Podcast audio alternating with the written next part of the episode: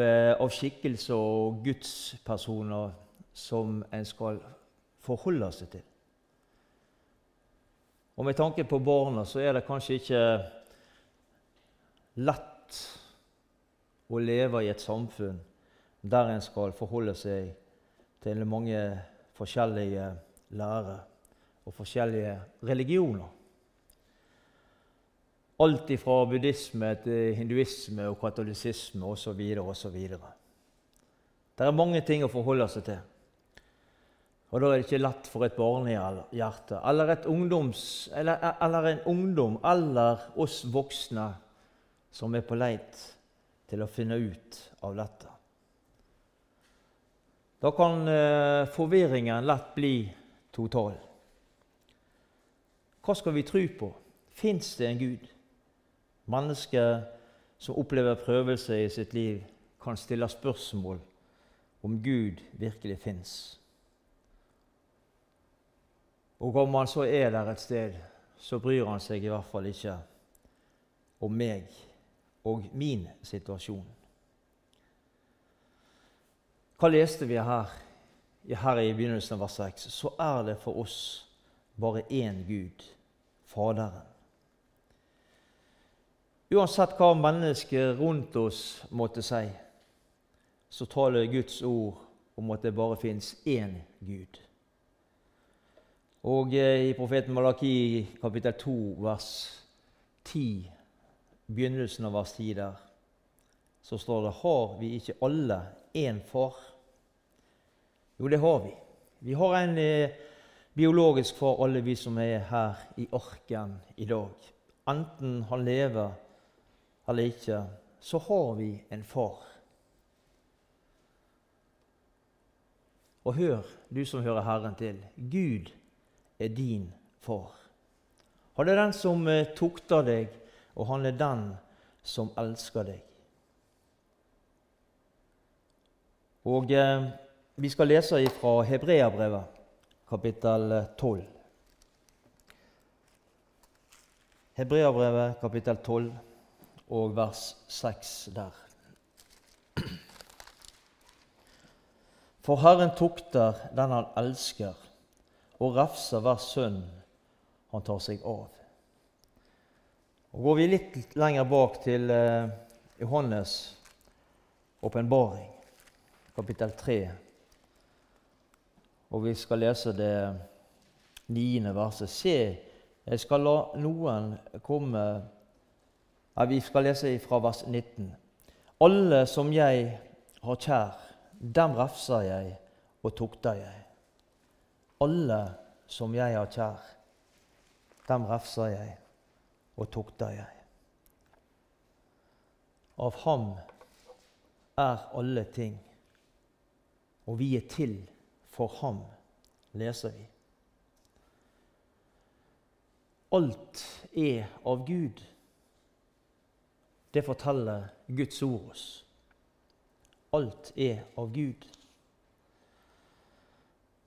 Her er det ikke snakk om et big bang som har forårsaka det som eh, vi ser rundt oss. Nei, det er Guds verk, alt du ser. Du kan lese fra første Mosebok og utover. Det er nøye planlagt, det som skjedde da mennesket ble skapt. Det var ingen tilfeldighet Verken når jorden ble skapt, eller når mennesket ble skapt. Det kan du lese om sjøl i andre Mosebok. Og eh, F.eks. fra vers 7 og utover så ser du hva som skjedde. Dette underet når mennesket ble skapt. Av ham er alle ting. Første, eller i Johannes, Johannes evangeliet, kapittel 1, og vers 3. Alt er blitt til ved Han. Uten Han er ikke noe blitt til av alt som er til. Og Vi tar med apostelgjerningene, kapittel 17 og vers 28, i begynnelsen der. Og vi er til for Han. Og vi er til for Han. Og Disse seks ordene det er alvorlige ord. Vi er til for Han. Gud han trenger deg, og han trenger meg i sin tjeneste. Han som vil at alle mennesker skal bli frelst. Og hvorfor? Jo, for å nå det målet om at han ønsker at alle mennesker skal bli frelst. Så trenger han deg, og så trenger han meg. Hva har du gjort med, med talentet som du har fått? De evnene som du har fått ifra Gud. Og Da skal vi gå inn på det som blir teksten for oss i dag, og det er Matteus, kapittel 25. Og vi skal lese ifra vers 14. Kapittel 25 i Matteus, ifra vers 14. Det er som eh, med en mann som skal dra utenlands. Han kalte til seg sine tjenere og, forlot, og overlot dem alt han eide. Han ga dem fem talenter. En av dem ga han fem talenter, en annen to og en tredje én talent, etter det hver enkelt hadde evne til. Så reiste han. Han som hadde fått fem talenter, gikk bort og drev handel med dem og tjente fem til. Han som hadde fått to talenter, gjorde det samme og tjente to til. Men han som hadde fått én talent, gikk og gravde et hull i jorden og gjemte sin herres penger. Da lang tid var gått, kom tjenerens herre tilbake og ville holde regnskap med dem. Han som hadde fått fem talenter, kom med fem til og sa:" Herre, du ga meg fem talenter. Se, jeg har tjent fem talenter til. Hans herre svarte:" Det er bra, du gode og tro tjener. Du har vært tro i lite, jeg vil sette deg over mye. Kom inn til gleden hos din Herre. Så kom han, eh, så kom han fram som hadde to talenter, og sa, 'Herre, du ga meg to talenter. Se, jeg har tjent to til.' Og hans herre svarte, 'Det er bra, du gode og tro tjener.'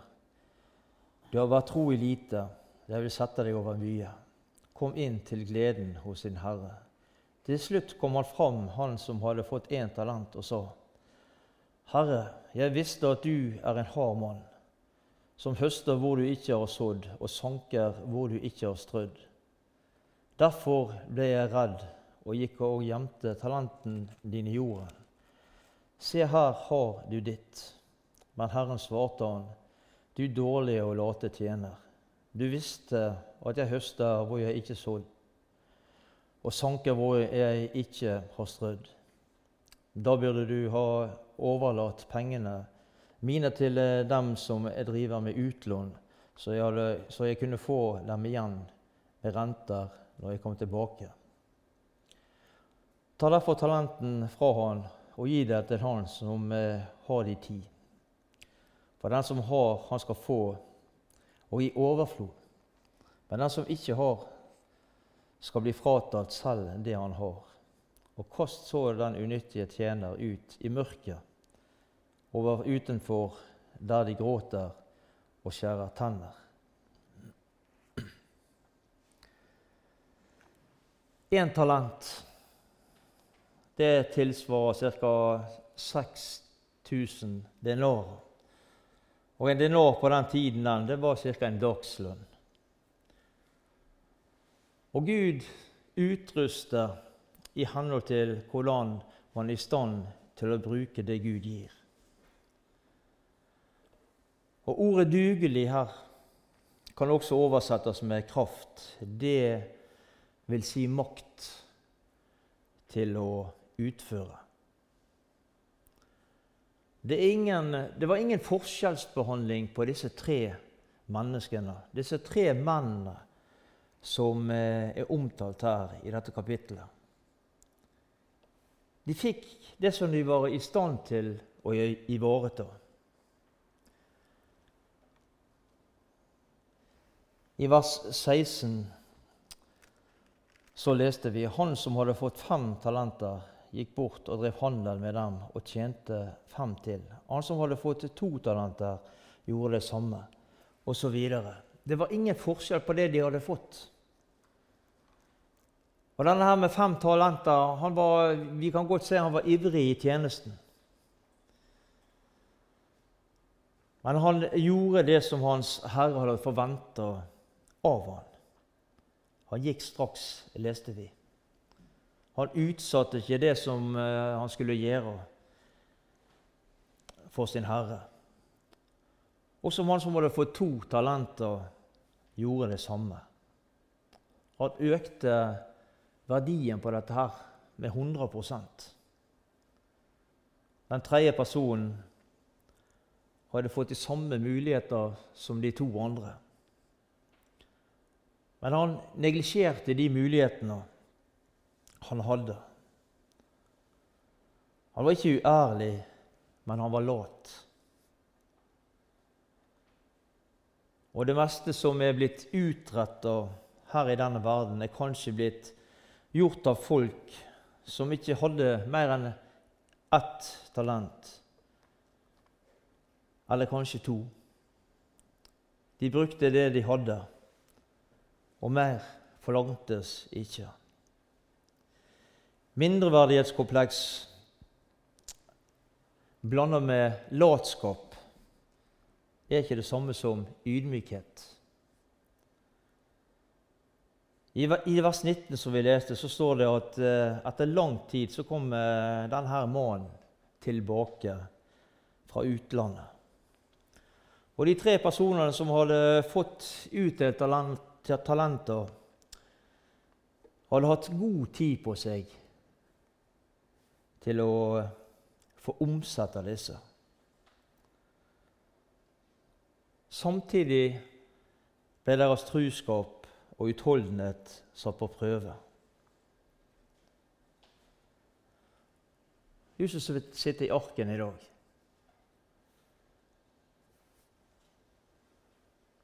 når regnskapet en dag skal gjøres opp, så, så, er det ikke på bakgrunn av hva vi har gjort her nede. Det er ikke på bakgrunn av hva vi har fått til, eller hva, hvor stor suksess vi har hatt, men at det er truskap og oppriktighet.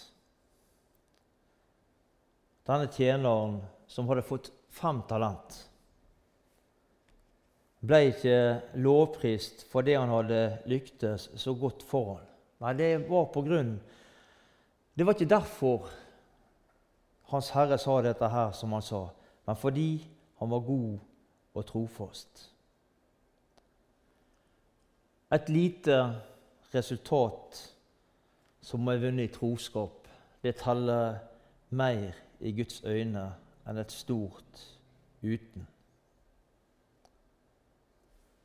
Han hadde vært tro i lite.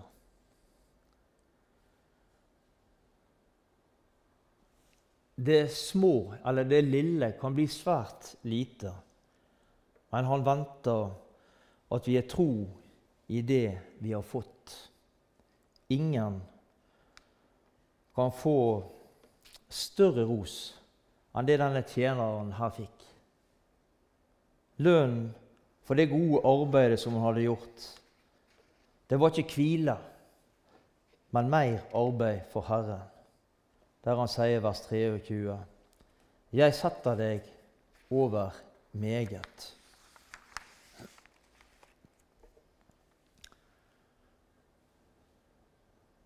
Begge de første tjenerne her som vi, som vi leste om, fikk den samme ros. De gjorde det de var i stand til etter de muligheter som ble gitt dem.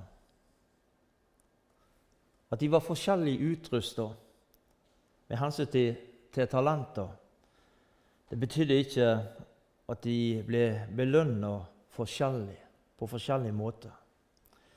Og Vi skal lese fra andre Korinterbrev. Vi var jo i kapittel 8 i første, men nå skal vi ned i andre Korinterbrev.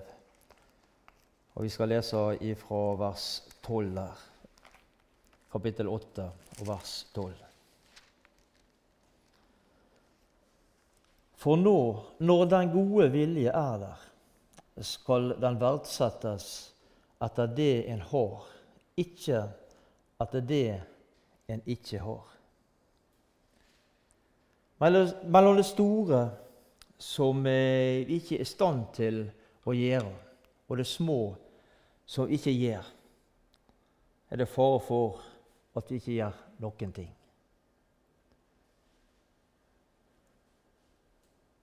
Det var det som falte den tjeneren som hadde fått utdelt ett talent. Han mista ikke talenten, men han gjorde ingenting med det. Han kan ikke ha hatt det godt når han sto fremfor sin Herre og skulle forklare hvordan eller hvorfor han ikke hadde gjort noe som helst. Absolutt ingenting ble gjort. Han hadde gravd der ned, det som han hadde fått, og det var det hele. Han følte nok på utilfredsstillelse i forhold til hans stilling, den stillingen som han var, eh, var, i. Og han eh, begynte å forsvare sin oppførsel, der leser vi. Han var ikke redd for å tale dårlig om sin herre eller gi tilbake den ene talenten som han hadde fått. 'Her er ditt', sa han. Men det var ikke hele sannheten. For han skyldte sin herre både arbeidsevne og tid.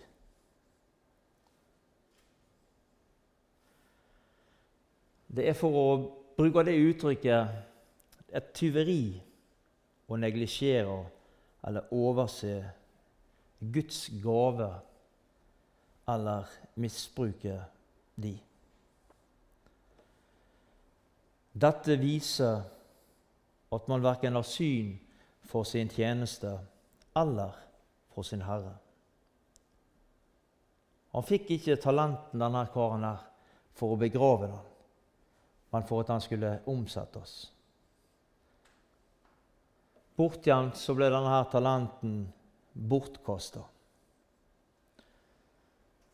Og eh, Vi kan ta med oss de versene som vi begynte med helt på slutten i vers eh, i vers 29 eh, og 30 i Matteus.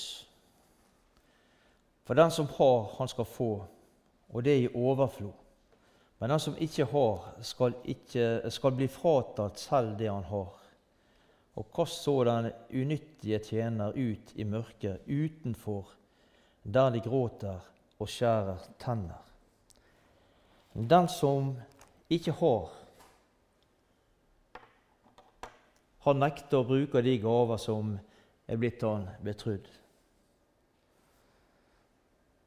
Han mister både lønnen, denne her karen her, og herligheten. Og For å dreie dette over for oss sjøl hvordan er det med oss?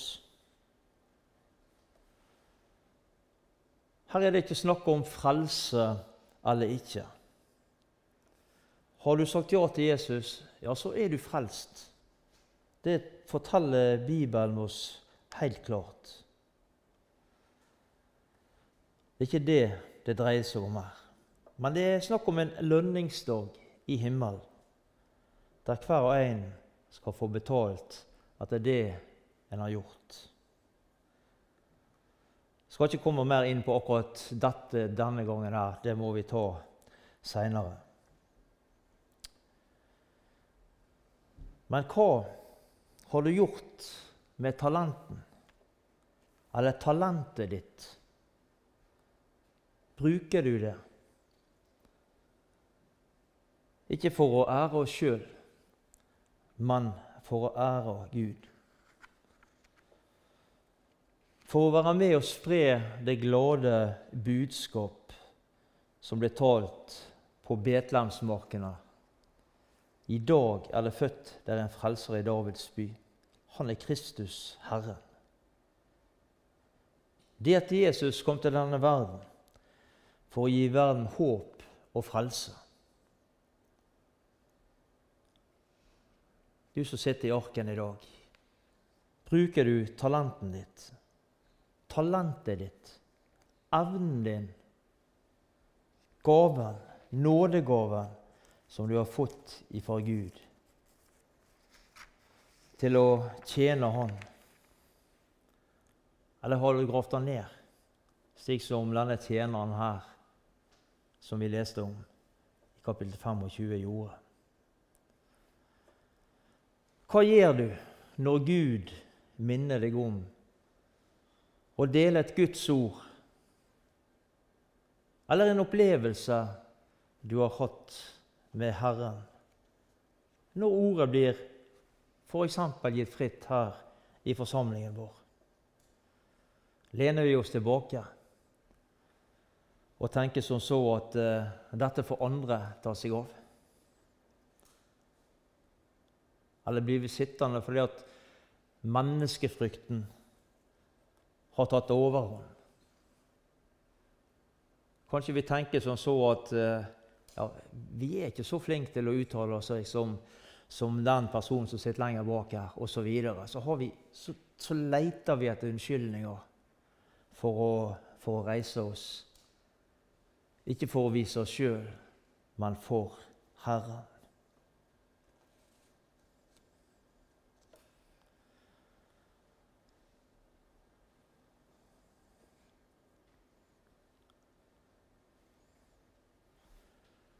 Tenk på når Gud minner deg om å dele et ord her, så er det noen som har kommet inn i orken, inn døren, som trenger å høre dette i dag. Det er noen som trenger å høre det Gud har minnet deg om å si.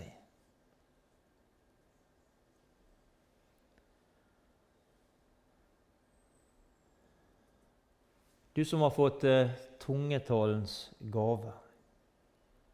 Bruk den med frimodighet. Bruk den med frimodighet. Gud han bruker deg for å formidle det han har å si til menigheten. Til enkeltmennesket her i menigheten. Du som har fått tydningens gave til å formidle det som Gud har å si på et språk som vi forstår, alle som er her. Bruk den med frimodighet. Vi skal oppmuntre hverandre til å ta i bruk de nådegaver som er gitt oss, som er gitt denne menigheten. Vi skal, for å bruke det uttrykket som er brukt mange ganger, heie på hverandre. Vi skal oppmuntre hverandre til dette. Og Noen går kanskje og kjenner på et kall, men er ikke sikker på hva dette er for noe.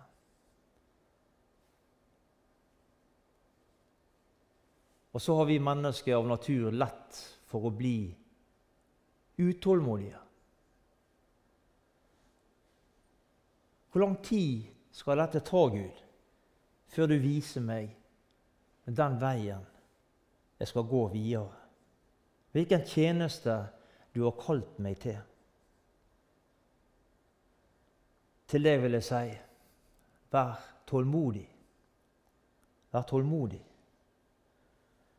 Det er mange mennesker, både i vår menighet og andre menigheter, som kan vitne om at eh, det tok tid før de fikk se den veien Gud hadde tenkt for dem. Det tok tid før den veien ble kjent. Til Den hellige hånd fikk vist dem hva kallet dreide seg om. Vær tålmodig. Ikke la det bli kjød, for det er det lett for. Men la Den hellige ånd få mulighet til å vise deg dette. Og Gud taler til hvert enkelt menneske om disse ting. Ikke beveg deg foran Han, men vær en, en etterfølger. Han trenger kanskje tid til å forme deg til den tjenesten som han har tenkt ut for deg, satt ut for deg. Og én ting så skal du vite Har han kalt deg til en tjeneste for han, så vil han også utruste deg til det. Han vil, for å si det slik, backe deg opp, være der for deg. Han vil være til stede for deg. Den hellige ånd vil vise deg klart og tydelig hva dette kallet er. Men vær tålmodig. Så synger vi en sang 'Gud har en plan med ditt liv'. Nei, tenker du kanskje. Det, det gjelder i hvert fall ikke meg. Dette gjelder nok alle de andre, men ikke meg. Da må jeg si deg, må du tenke slik at du tar helt feil. Du tar helt feil. Hva leste vi til å begynne med i, uh, i 1. Korinterbrev, kapittel 8, her i dag? Kan vi, gjerne, vi kan gjerne bla det opp. Så kan vi se hva vi leste i 1. Korinterbrev, kapittel 8, vers 6. Men for oss er det bare én Gud, Faderen. Av Han er alle ting, og vi er skapt til Han. Og for oss er det bare én Herre, Jesus Kristus. Ved Han er alle ting, og vi lever ved Han.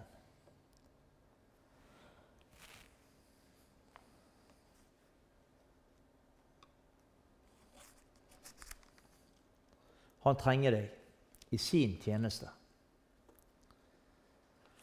At du bruker de talent, de evner, de gaver som han har gitt deg. Ikke for å fremheve oss sjøl, men for å ære Han og for å være et sendebud i Hans sted.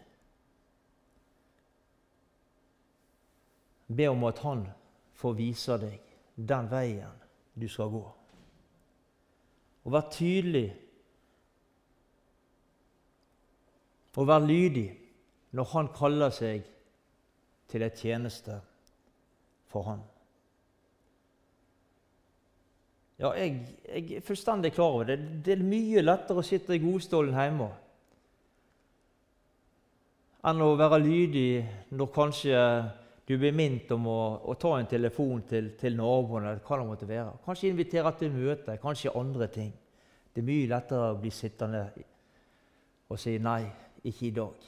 Vi, vi venter litt, men vær lydig. Vær lydig når Han kaller deg til tjeneste. Vi skal vel opp i Første Mosebok.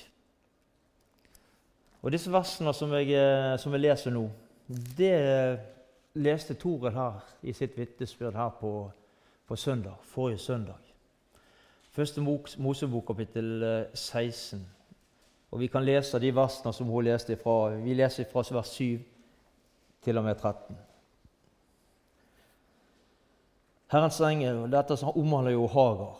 Herrens engel fant han ved en kilde ute i ødemarken.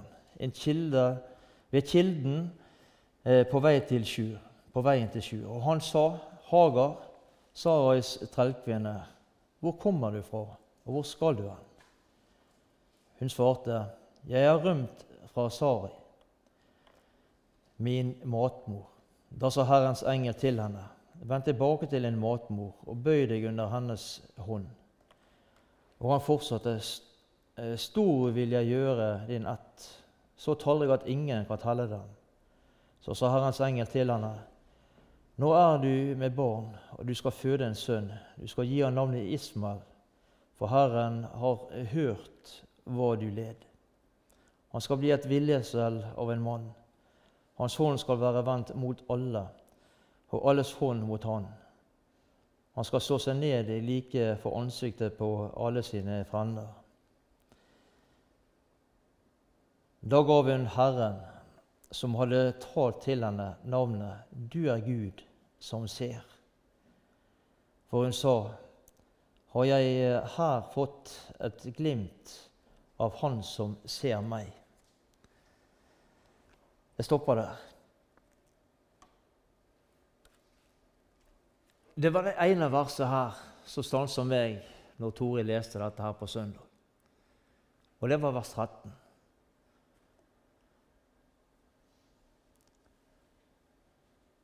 Du er Gud som ser. Han ser deg, han ser meg. Han veit om oss. Og han ønsker å få være Han ønsker å være, få være med og påvirke i våre liv. Jeg håper du får oppleve det samme som Hagar. At du kan få et glimt av Gud, som det vi leste her i vers 13. Et glimt av Jesus.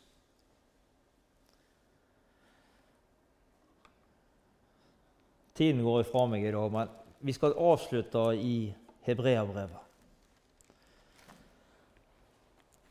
Og der, eh, der er noen fantastiske vers der. Og Det står i Hebreabrevet kapittel 19. Og Vi skal lese nedover til vers 25. Kapittel 10, sa jeg kapittel 19, så mente jeg kapittel 10 og vers 19 til og med 25. Så kan vi da, brødre, i kraft av Jesu blod med frimodighet tre inn i helligdommen. Han har innviet en ny og levende vei for oss dit, inn gjennom forhenget, dvs. Si hans jordiske legeme. Når vi har så stor en prest over Guds hus, så la oss tre fram med oppriktig hjerte, i troens fulle visshet, med hjertet renset for vond samvittighet og legemet badet i rent vann. La oss holde urokkelig fast ved bekjennelsen av vårt håp, for Han som gav løftet, er trofast. La oss ha omtanke for hverandre, så vi, så vi oppgløder hverandre til kjærlighet og gode gjerninger. Og la oss ikke samles slik som noen pleier. Og la oss ikke holde oss borte når eh, vår menighet samles, slik som noen pleier å gjøre. La oss heller oppmuntre hverandre. Så vær så mye mer som dere ser at dagen nærmer seg. Jeg syns disse versene er, er godt å lese. Samtidig så er det et alvorspreg når vi kommer ned til vers 25, som vi leste her til slutt La oss ikke Eller la oss ikke holde oss borte når menigheten vår samles. Først vil jeg si la oss ikke være så opptatt av at ikke alle, alle er her hver eneste søndag. Det kan ja, De aller fleste av oss de vet ikke grunnen til at de er vekke. Noen har eh, en jobb som, eh, som krever helgevakter. Noen har sykdommer. Noen er redd for korona osv. Så, og så, videre. så er det mange ting som gjør at, at, vi, at mennesker eh, ikke er her når vi samles. Men la oss tenke over dette, for det er viktig. La oss tenke over det, hver enkelt. La oss ikke være borte når vår menighet samles.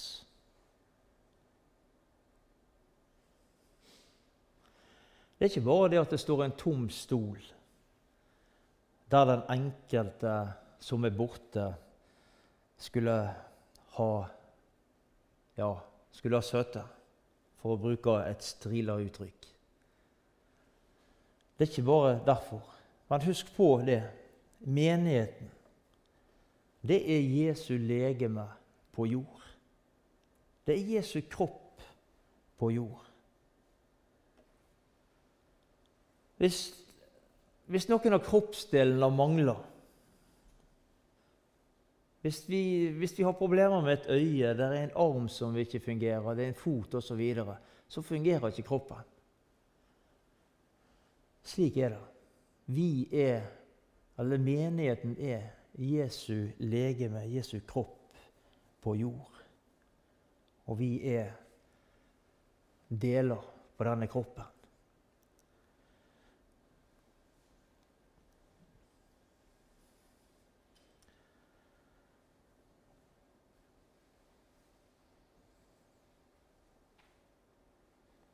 Menigheten skal være,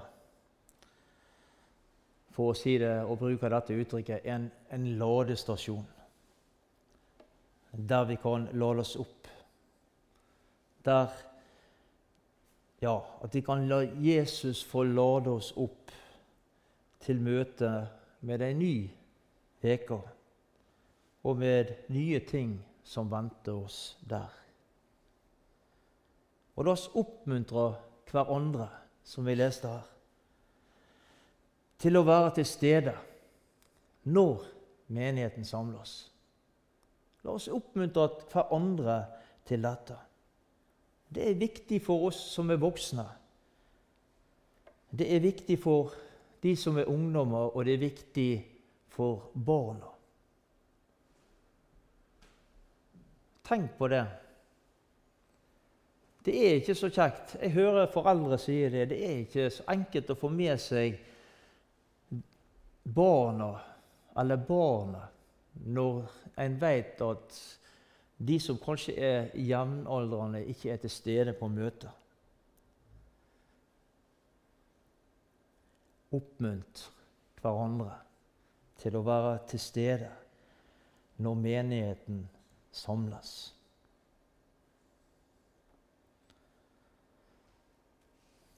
Vers 24 tar vi opp igjen her mot slutten i Hebreabrevet. La oss ha omtanke for hverandre, så vi oppgløder hverandre til kjærlighet og gode gjerninger. La det være slik mellom oss. Vi har begynt på veien til himmelen vi som er her. Vi veit ikke hvor langt vi har igjen å gå. La oss hjelpe hverandre på veien. La oss støtte hverandre på veien framover, slik at vi alle når målet som er himmelen. Og om noen av oss blir liggende igjen, så skal vi være der for å hjelpe hverandre opp igjen og støtte hverandre på veien fram.